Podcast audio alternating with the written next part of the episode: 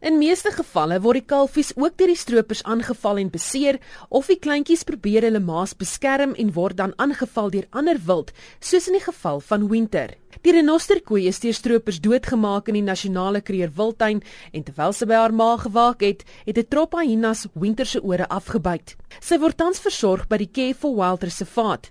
Haar storie het die padagentskap wat verantwoordelik is vir die N4 tolroete, trek, so aangegryp dat hulle besluit het om haar aan te neem. Die woordvoerder van Trek, Solange Souare sê alhoewel baie nie baie te doen het met die omgewing nie, moet almal probeer om stropery stop te sit. We help with with a lot of things along our route. I mean, it's part of our corporate social investment strategy. And uh, of course, uh, rhino poaching is so big in South Africa and orphan rhinos are such a problem that uh, we couldn't we couldn't resist and refuse to help little winter. Um, the center is is just off our route and uh, we just thought that uh, it would attract attention to the crisis, to the problem, and uh, also uh, pay it forward and uh, give back to, to our communities. Winter is the cutest. I, I don't know. I just want to take her home sometime.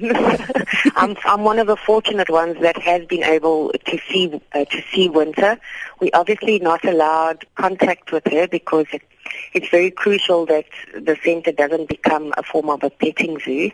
Just being close to Winter and just having followed her progress from, you know, when she was basically dying after being attacked by hyenas and losing her ear and just seeing her romp around her little her little place um, at this stage, it's it's it's just it's mind blowing.